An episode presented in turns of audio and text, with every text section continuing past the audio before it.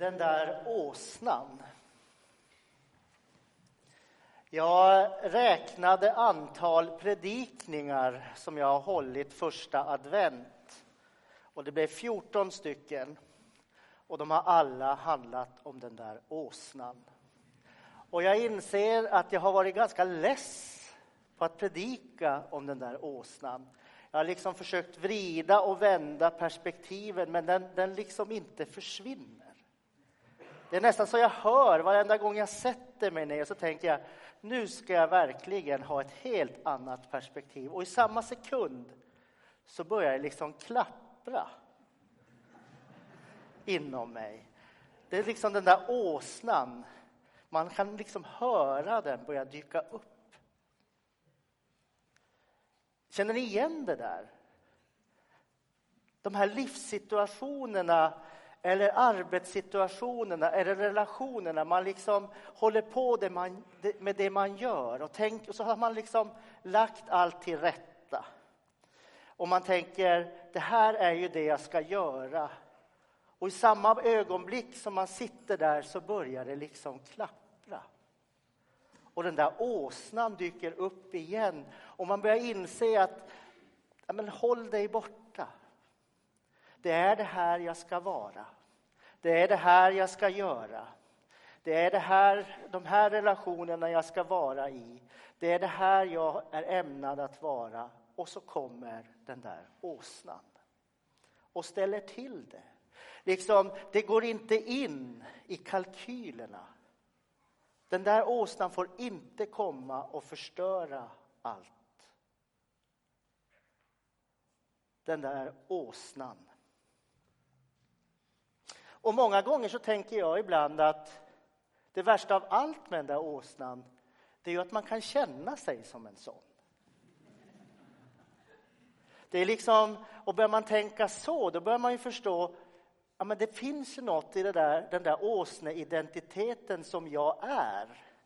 Och det är så länge jag liksom värjer mig från den så kommer jag aldrig riktigt att få frid i det här.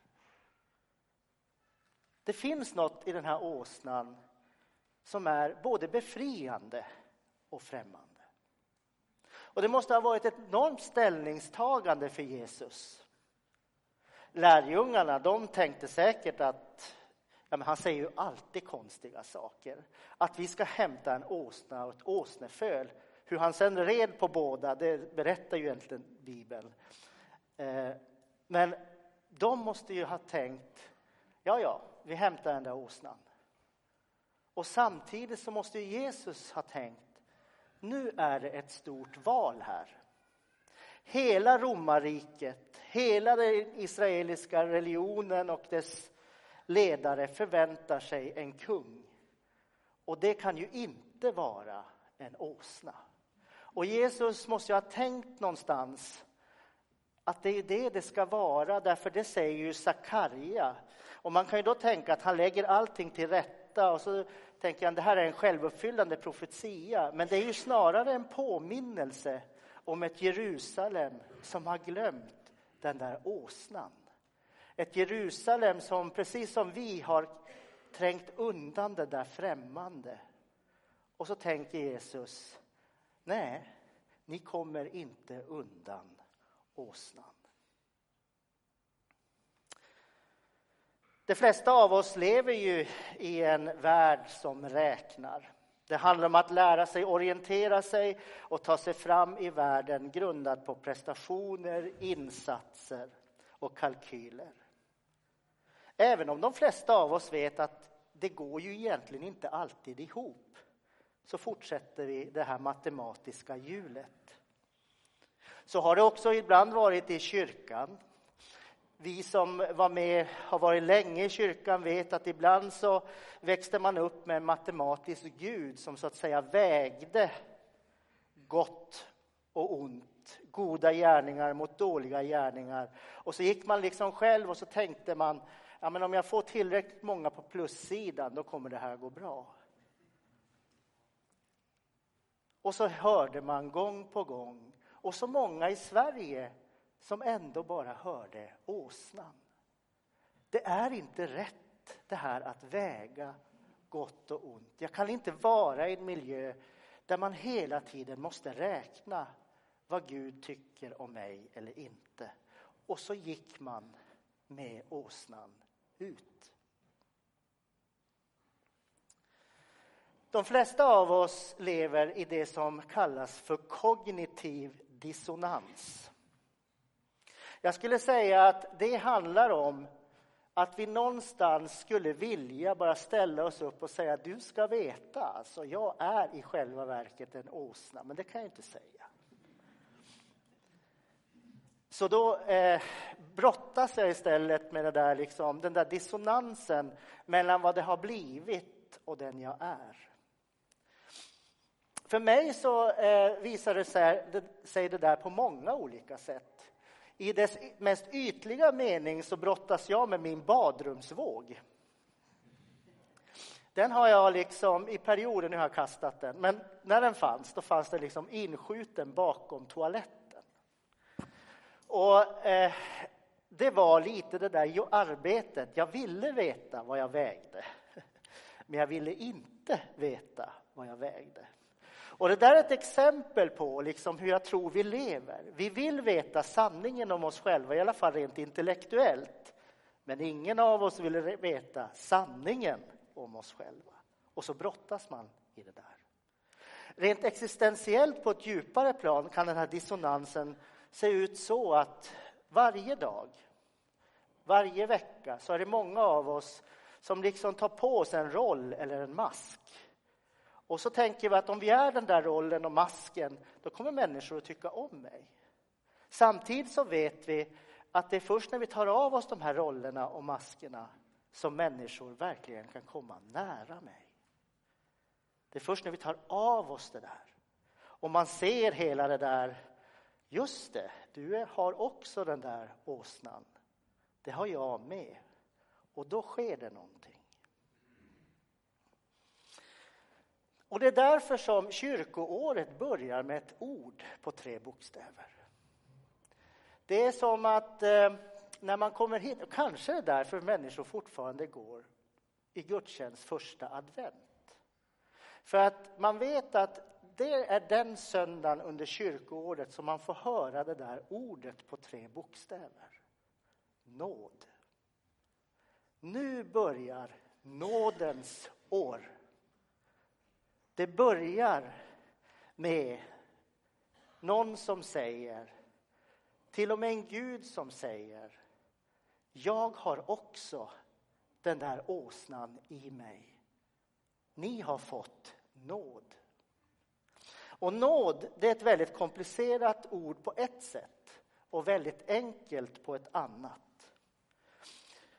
Gud ger oss inte ett räknesätt till utan Gud säger, hör du, det finns ingenting du kan göra mer för att Gud ska älska dig mer. Men det finns heller ingenting Gud kan göra, eller du kan göra för att Gud ska älska dig mindre.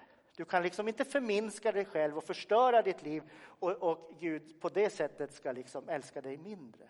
Nåd betyder att det finns ett värde som inte går att lägga som ett räknesätt. Och det kan ju vara väldigt provocerande. Därför man kan ju också som prestationsmänniska känna, ja men betyder inte mina insatser någonting? Men det är inte det nåden säger, utan nåden säger, låt inte de där sakerna definiera dig. Det behöver inte du, utan innerst inne och ytterst så är du skapad av en Gud av nåd. Och nåd bryter den där onda cirkeln. Det blir liksom en annan livshållning. Om jag börjar organisera mitt liv utifrån nåden, utifrån den där åsnan och befria den, så kan jag plötsligt bli den jag är. Nådens livshållning, det är det vi börjar med.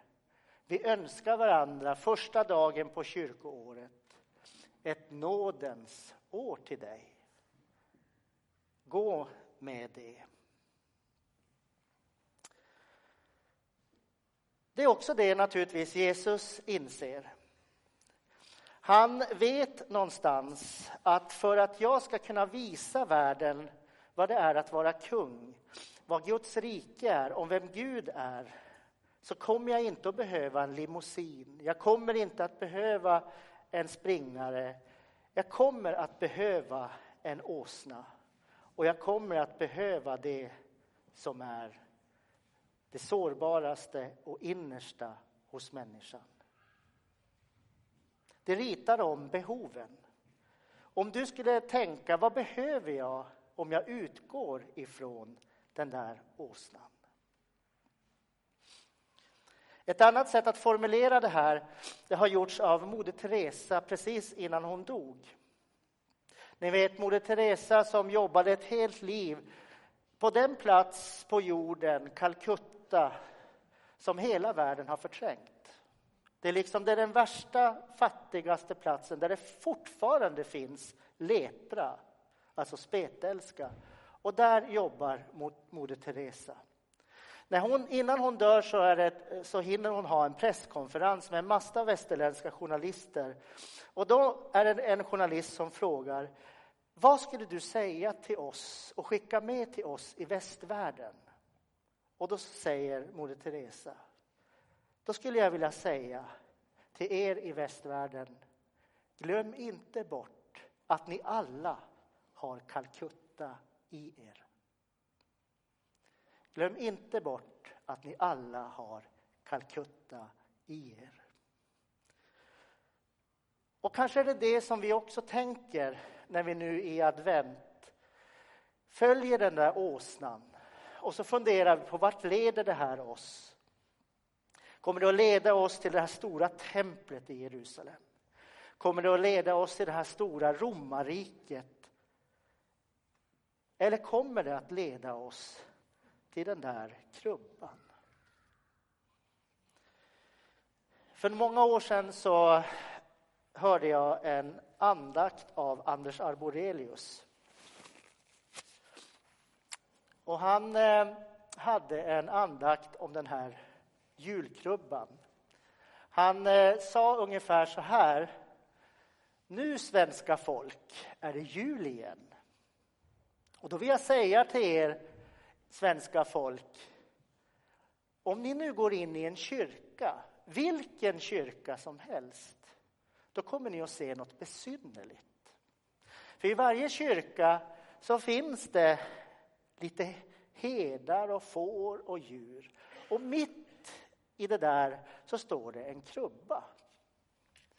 Och nu vill jag säga till er att om ni går in i kyrkan och ser den där krubban, då vill jag säga tänk nu några gånger innan ni går fram till den där krubban. För i den krubban så ligger det någonting som kan förändra ditt liv. När du tittar ner i den där krubban och ser ett barn, för det är det som ligger i den där krubban, då kommer du inte att gå ut genom dörren från den där kyrkan och vara dig själv längre. Du kommer att ha någonting som aldrig släpper taget om dig. Kalla det Calcutta, kalla det åsnan, kalla det vad som helst. Men där ligger ett barn och du kommer inte vara dig själv när du går därifrån. Se upp, nu är det jul igen. Jag tänker att det är uppmaningen till oss. Att få släppa taget om allt det där som hindrar åsnan vid grinden. Att tänka liksom och, och liksom öppna upp för att det där ska få ta plats i mitt liv. För det är det som advent handlar om. Att det kommer någon och möter oss och inte kommer att titta på oss utifrån våra insatser, prestationer, våra roller, utan just där vi är. När andra säger så här långt kan jag följa dig men sedan inte längre. Så här långt kan jag förstå dig men sedan inte längre. Då är det unika med advent en Gud som inte i första hand bara förstår och följer ett stycke till. Utan det unika är en Gud som kommer dig och mig till mötes. Och där börjar ett nådens år. Amen.